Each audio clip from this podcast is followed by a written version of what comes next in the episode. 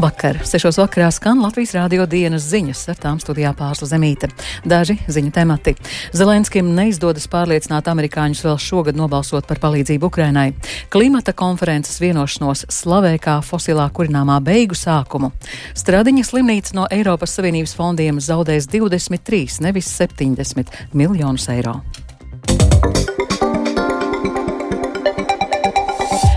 Ukrainā šī diena iesākās ar Krievijas raķešu triecieniem galvaspilsētai Kijevai.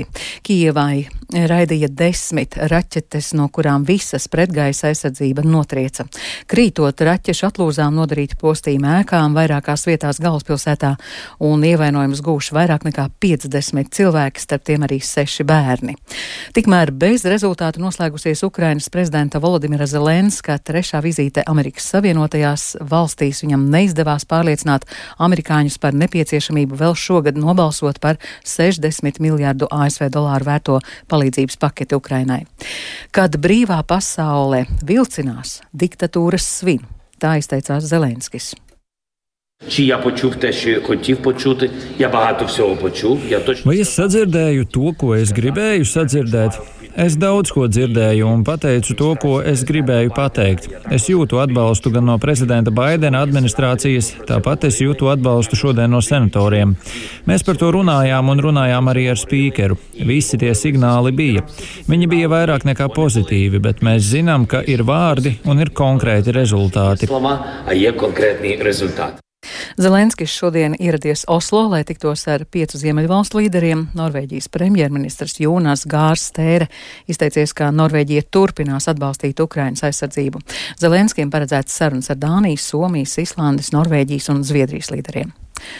Izrēla un Amerikas Savienotās valstis nosodījušas ANO ģenerālās asamblējas ar pārliecinošu balsu vairākumu vakar pieņemto rezolūciju, kas pieprasa nekavējoties pārtraukt uguni karā starp Izrēlu un teroristu grupējumu Hamas Gazas joslā. Izraels vēstnieks apvienoto nāciju organizācijā Gilats Erdans rezolūciju nodēvēja par liekulīgu. Balsojot par šo rezolūciju, jūs atbalstāt džihādistu terora izdzīvošanu un Gazas iedzīvotāju ciešanas. Palestīniešu eksploatācija ir padarījusi ANO par cilvēces morālo traipu. Kāpēc jūs joprojām ļaujat viņiem padarīt ANO par nenozīmīgu? Ja šīs organizācijas nodomi ir taisnīgi, kāpēc jūs vienkārši nesākat ar to, ka pieprasāt pamieru tikai no tiem, kas ir atbildīgi par iepriekšējo divu pamieru pārkāpumiem? Kāpēc jūs neprasāt atbildību no izvarotājiem un bērnu slepkavām? Latvija bija starp tām valstīm, kas atbalstīja rezolūciju.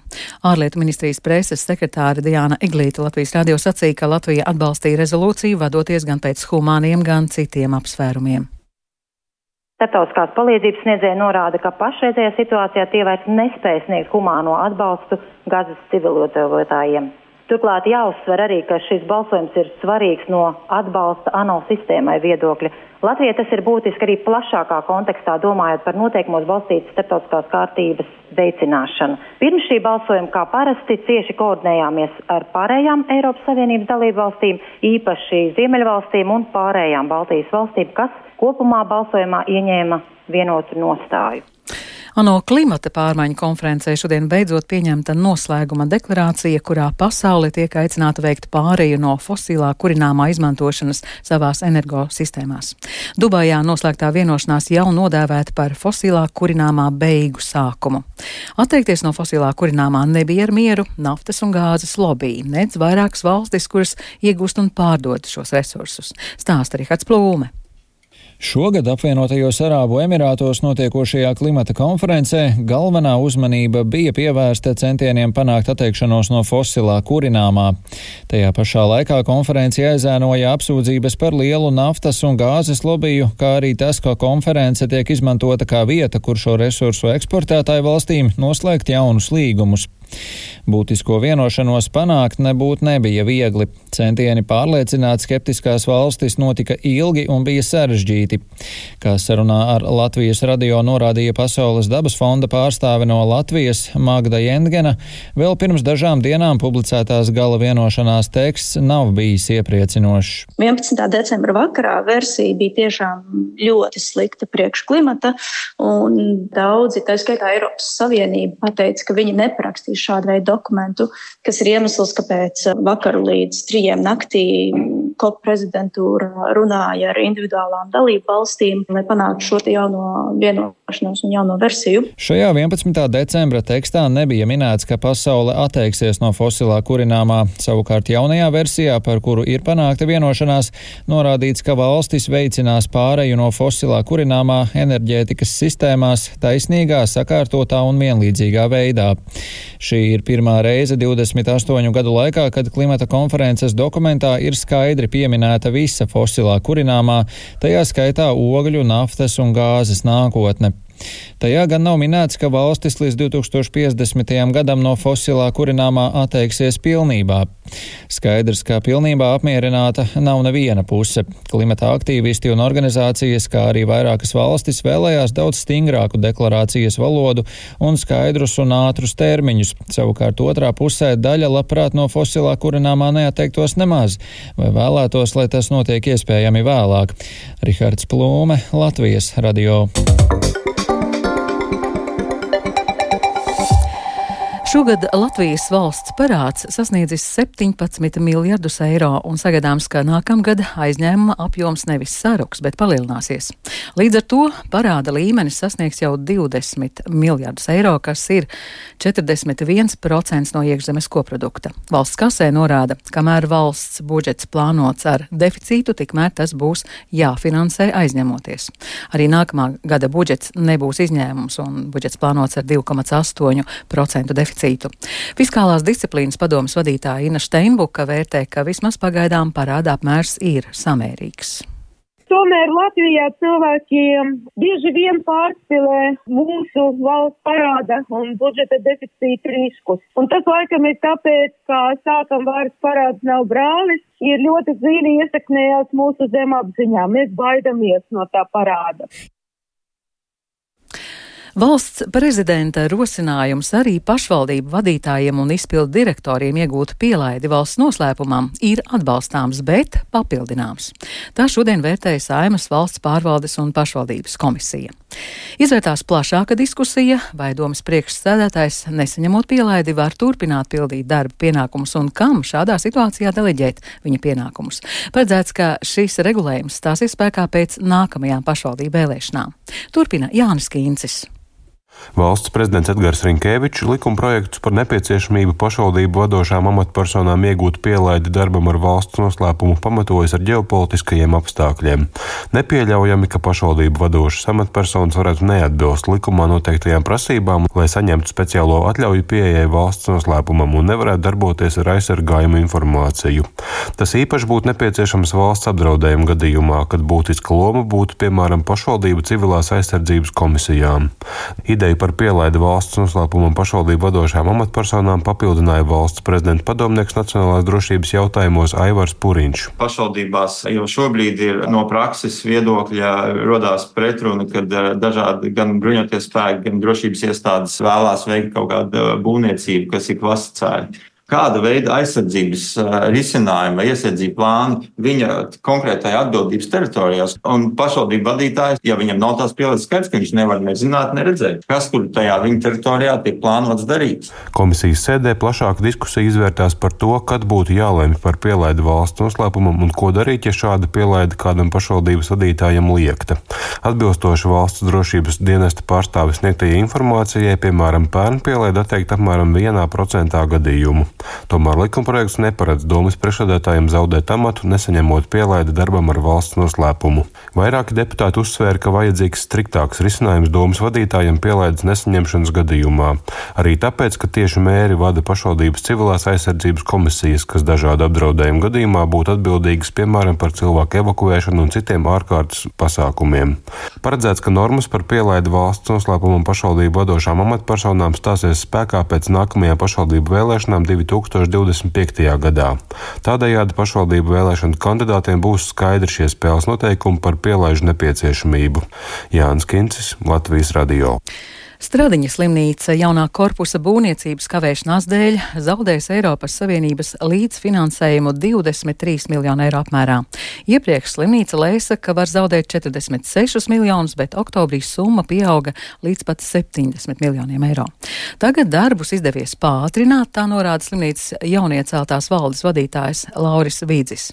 Tikmēr finanšu ministrija uzsver, lai arī Eiropas naudu zaudēs slimnīca, to nezaudēs valsts. Tāpēc tā tika tiks pārvirzīta citām vajadzībām, stāsta ministrijas pārstāve Diāna Rancāne. Latvija mums ir pārliecība, ka nezaudēs finansējumu. Tā ir nu, galvenā lieta no tāda valstiskā konteksta.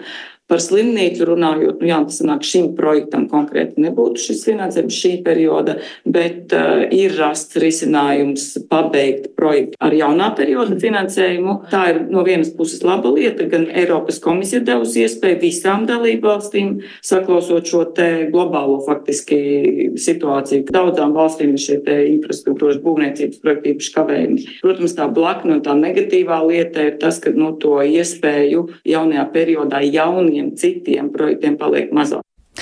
Sājumas komisija otrajam lasījumam virza grozījumus dzīvnieku aizsardzības likumā, kas paredz izveidot dzīvnieku audzētāju reģistru.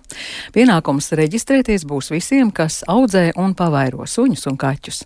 Tikmēr veterinārā ārsti aicina sājumus 16 reizes palielināt sodus negodprātīgiem dzīvnieku pavairotājiem. Fiziskai personai līdz 1750 eiro, bet juridiskai personai līdz 3000 eiro. Galīgai lasījumā likumprojektu saima varētu skatīt februārī. Šobrīd pastāv divi reālākie scenāriji, kā panākt, ka agresoru valstu Krievijas un Baltkrievijas sportisti nestartētu Parīzes Olimpiskajās spēlēs nākamā gada vasarā. Tā uzskata Saimnes sporta apakškomisijas vadītājs Dāvis Daugavietis no Jaunās vienotības. Pirmais, ja Francijas valdība nolems Olimpisko spēļu laikā nelaist valstī Krievus un Balskrievus, bet otrais, ja kāds no lielajiem sacensību sponsoriem izvirzīs ultimātu, ka naudu dos tikai Olimpiskajām spēlēm bez agresoru valstu sportistu dalības. Latvijas Olimpiskās komitejas prezidents Jānis Buks pastāstīja, ka šobrīd norit sarunas ar Baltijas valstu, Ziemeļvalstu, Polijas un Ukrainas kolēģiem, lai izstrādātu kopīgu rīcības plānu. Tiesa pašlaik arī šajā lokā nostājas atšķiras ļoti koordinējam savas rīcības. Galvenais, lai viss notiktu sazobē un mēs nepieņemtu nepārdomātus karstgalvīgus lēmumus, lai mūsu lēmumi būtu koordinēti. Tas, ka šis lēmums bija sagaidāms, jā, protams, tas nav nekāds pārsteigums. Tā rīcība tagad, kā mēs rīkojamies, ir saskaņā ar mūsu iepriekš izstrādātu plānu sanāk kopā, sajust to sentimentu, kāds ir katrā konkrētā valstī. Kategoriskāk nostāja ir uh, Baltijā, izņemot Somiju. Ziemeļvalsts ir, ir krietni tāds mērenāks šajā jautājumā.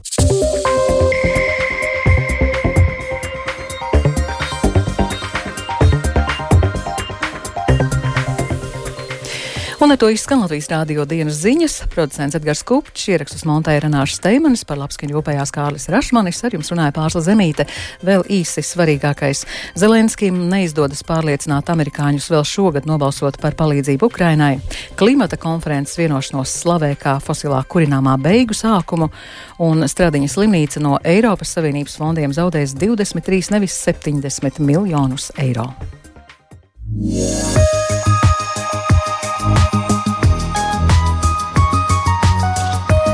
Latvijas vidus geoloģijas un meteoroloģijas centrs informē Rīgā pat labāk 0 grādu, rietumu vējš 2 m2, gaisa spiediens 760 mm, gaisa relatīvais mitrums 93%. Bet kāds laiks gaidāms turpmāk, prognozē Toms Bricis. Vēl ceturtdien liela izmaiņa laikapstākļos nebūs. Sīki nokrišņi, migla, temperatūra ap nulli, daudziet apledojums. Vienīgi naktī vietām debesīm skaidrojoties sals ap mīnus 5 grādiem. Savukārt piekdienu kurzem sasniegs nopietnāks atpūsnis. Vakarā temperatūra tur sasniegs jau plus 3, plus 6 grādus, pārējā valstī vēl neliels sals. Savukārt brīvdienās kusīs jau visā Latvijā. Maksimālā temperatūra būs no plus 1, plus 2 grādiem valsts austrumos līdz 6, 7 grādiem kurzemē. Brīžiem līs, jūtamāks kļūs rietumu vējš. Atpūsnis turpināsies arī nākamnedēļ. Kurzemē, zemgalē un vidzemes rietumos vienlaidus sniega sega nokusīs līdz otrdienai.